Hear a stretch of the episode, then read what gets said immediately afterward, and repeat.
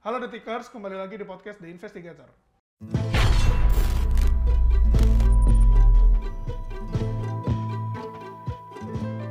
Halo Detikers, kembali lagi di podcast The Investigator. Eh, hari ini gua Hafiz dari Detik X bersama rekan gua Fajar dari eh, Detik reporter Detik X juga. Eh, minggu ini gua akan ngebahas soal eh, isu yang lagi hangat beberapa minggu terakhir ini, yaitu adalah kasus dugaan pemerkosaan anak tersangka pencurian hewan ternak ya, Jar, ya? Betul, betul. oleh Kapolsek Parigi. Nah itu kalau boleh apa namanya, boleh lu ceritain kronologinya gitu, apa sih Jar? Awal mulanya tuh kayak gimana sih Jar eh, terkait apa namanya kasus ini? Iya. Eh, ini sebetulnya menarik sih, Fis. Memang awalnya tuh eh, kasus ini masih abu-abu ya, masih sangat abu-abu karena laporan ataupun ceritanya juga lahir dari kesaksian eh, korban langsung gitu ke media lokal dan akhirnya viral kan di sempat viral lah di di apa di media sosial gitu. Sampai akhirnya eh, kita penasaran kan untuk bisa mencoba menggali sebetulnya apa yang terjadi gitu di di sana gitu. Karena kalau dalam kesaksian korban kan korban eh, bilang bahwa dia ini dijanjikan oleh Kapolsek Parigi ya, Ibtu I Dewa Gede Naruto itu ya, eh, untuk eh, pembebasan ayahnya yang menjadi tersangka hewan ternak, apa pencurian hewan ternak itu. Nah, ini jadi cerita menarik ya, karena kasus baru gitu, eh, yang notabene tidak terlalu banyak terekspos. gitu. Jadi artinya ada di situ kita melihat bahwa sepertinya ada apa ya penyelewengan kekuasaan lah atau relasi hukum kuasa yang akhirnya eh, membuat kasus itu terjadi ke ke korban ini gitu. Kalau dalam naskah yang kita tulis di Detik X gitu di minggu ini kita eh, samarkan namanya menjadi Dei kayak gitu sih. Nah itu bisa diceritain nggak Jar kronologi si Kapolsek ini ngedeketin apa yang bukan sebenarnya ya si DI ini seperti apa tuh? Nah, ini jadi cerita yang memang hampir tidak banyak diangkat sama media lain. Bis. Jadi kalau eh, dari hasil wawancara kita ke beberapa narasumber termasuk ke korban gitu. Ceritanya adalah bahwa pernah suatu hari ketika korban bersama ibunya itu menjenguk eh, ayahnya di eh, Kapolsek Parigi di salah satu sel di Kapo- di Polsek Parigi ini eh, ibu korban itu pingsan. Sorry, bukan bukan korban bersama ibunya. Pertama ibunya saja, ibunya saja yang menjenguk ke ayahnya ini. Tapi tiba-tiba jatuh pingsan. Hmm, oke. Jatuh pingsan lalu ditolong sama si Pak Kapolsek ini, si pelaku ini, apa sih terduga pelaku ini.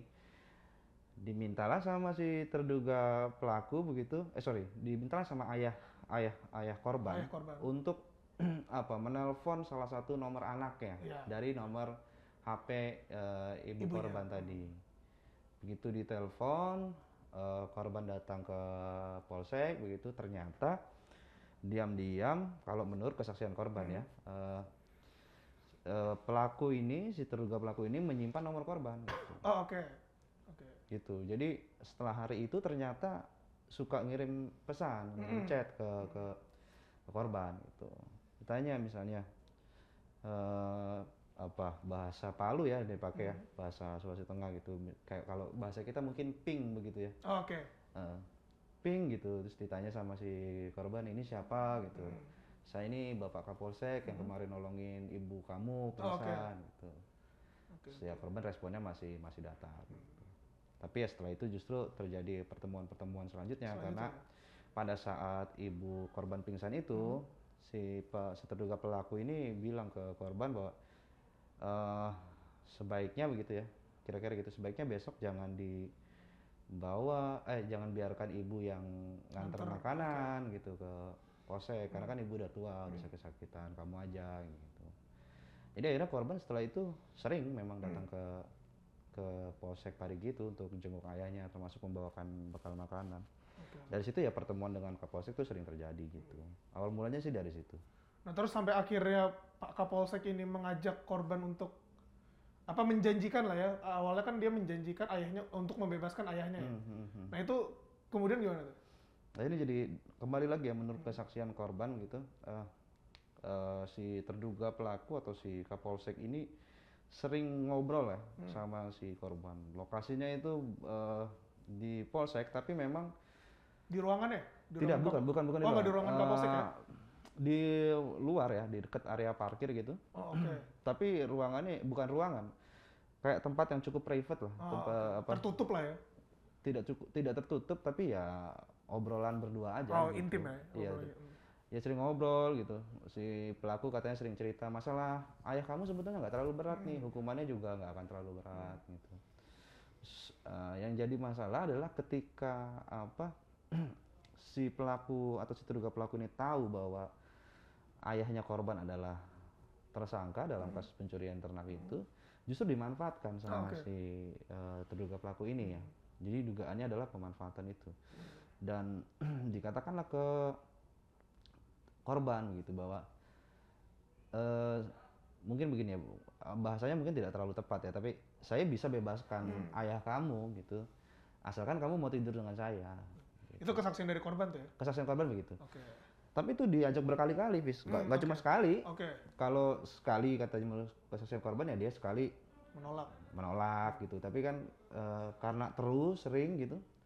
Dan satu hal yang akhirnya membuat korban apa ya eh, berpikir bahwa iya bukan lulu juga sih berpikir bahwa kayaknya memang bisa nih Kapolsek gitu Oh, be- membebaskan Bapak. bo- bokap gue gitu ya istilahnya.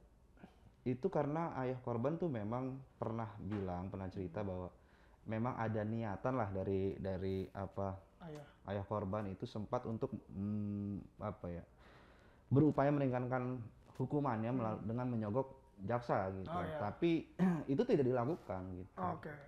Nah, menurut bap- menurut kesaksian korban juga, bapak korbannya itu bercerita bahwa ini yang bantuin yang bantuin nelpon ke jaksa, ke hakim itu Kapolsek. Oke. Gitu. Jadi dia mikir kayaknya emang bisa deh gitu. Padahal secara wewenang itu Ah, tidak bisa ya karena harus ke pengadilan negeri Ah. kan gitu dan kasusnya juga masih di, dipersidangkan Iya. gitu sebetulnya. Kayak gitu. Jadi ya udah akhirnya oke deh gitu. Nah, Tapi itu- janji ya lu bebasin bokap gue gitu. Ah, Oke. Cuman tidak ada bukti terkait itu ya? Tidak ada bukti terkait si Pak Kapolsek itu Hmm. mau membebaskan bapaknya ya? Jadi ya cuma janji aja. Cuman sebetulnya. emang pengakuan dari korban aja seperti pengakuan itu. korban aja.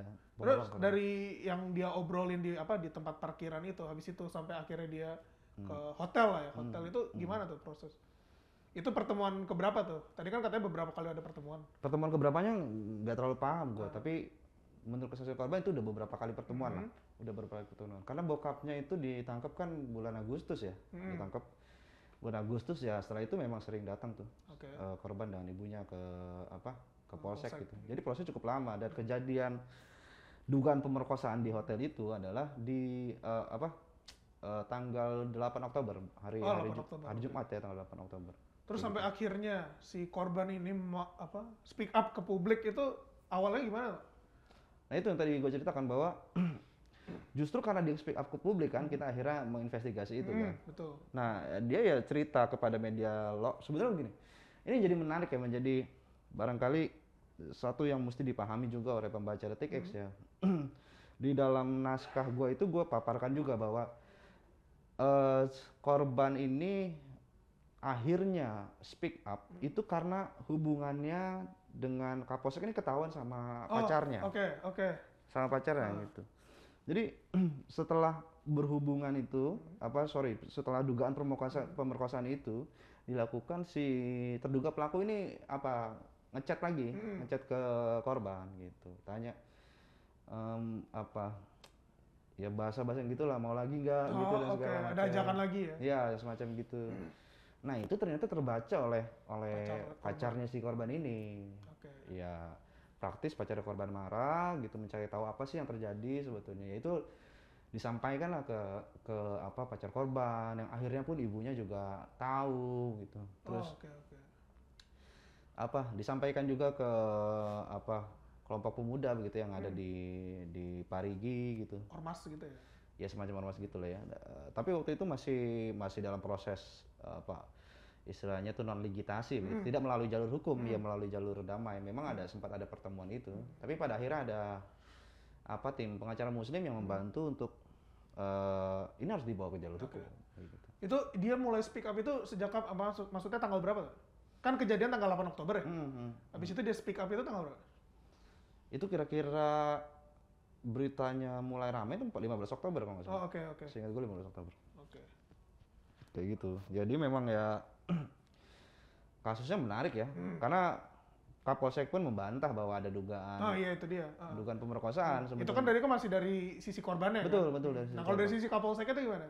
Nah kalau Kapolsek sendiri eh, ketika ditanya sejumlah media ya di apa di Parigi mengaku bahwa loh saya nggak pernah apa istilahnya gitu nggak itu dugaan-dugaan yang salah gitu dan satu hal korban kan bersaksi bahwa dia tuh diberikan uang 500.000 ribu Hmm. ketika di di hotel itu gitu kalau kalau menurut kesaksian korban bahwa ya ini untuk ibu gitu lah Iya. ibu kasihan udah ini gitu tapi eh, apa Kapolsek juga mengiyakan sorry Hmm. Kapolsek memang mengiyakan bahwa eh, si apa Narute ini Mhm. mengiyakan bahwa memang dia ngasih uang 500.000 ribu ke korban, tapi dia membantah bahwa dia mungkin pernah memperkosa atau tidur bersama dengan korban gitu.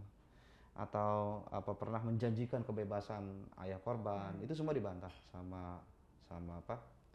sama si terduga pelaku ini gitu. Dan kalau dari sumber kita di Polda Jawa Tengah, ah, sorry Sulawesi Sulawesi. Tengah, itu eh, ada kabar bahwa terduga pelaku ini juga akan mengadukan balik ke Hmm, korban maupun tim pengacara, kayak gitu. Kalau dari kuasa hukum korban sendiri melihat kasus ini seperti apa?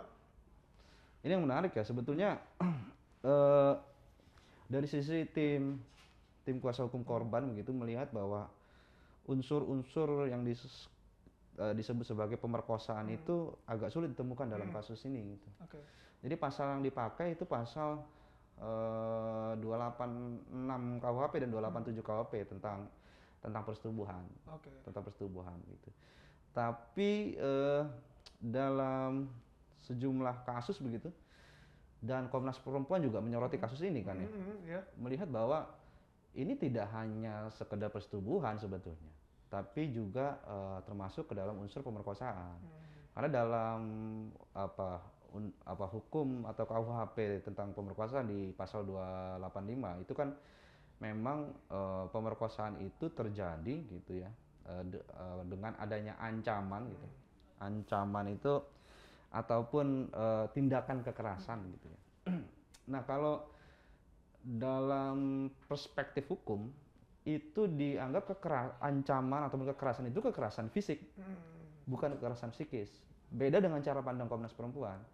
Kalau Komnas Perempuan memang eh, merujuk eh, apa namanya pandangannya ke Undang-Undang Nomor 5 tahun 1998 waktu itu tuh tentang ratifikasi apa eh, kekerasan seksual internasional.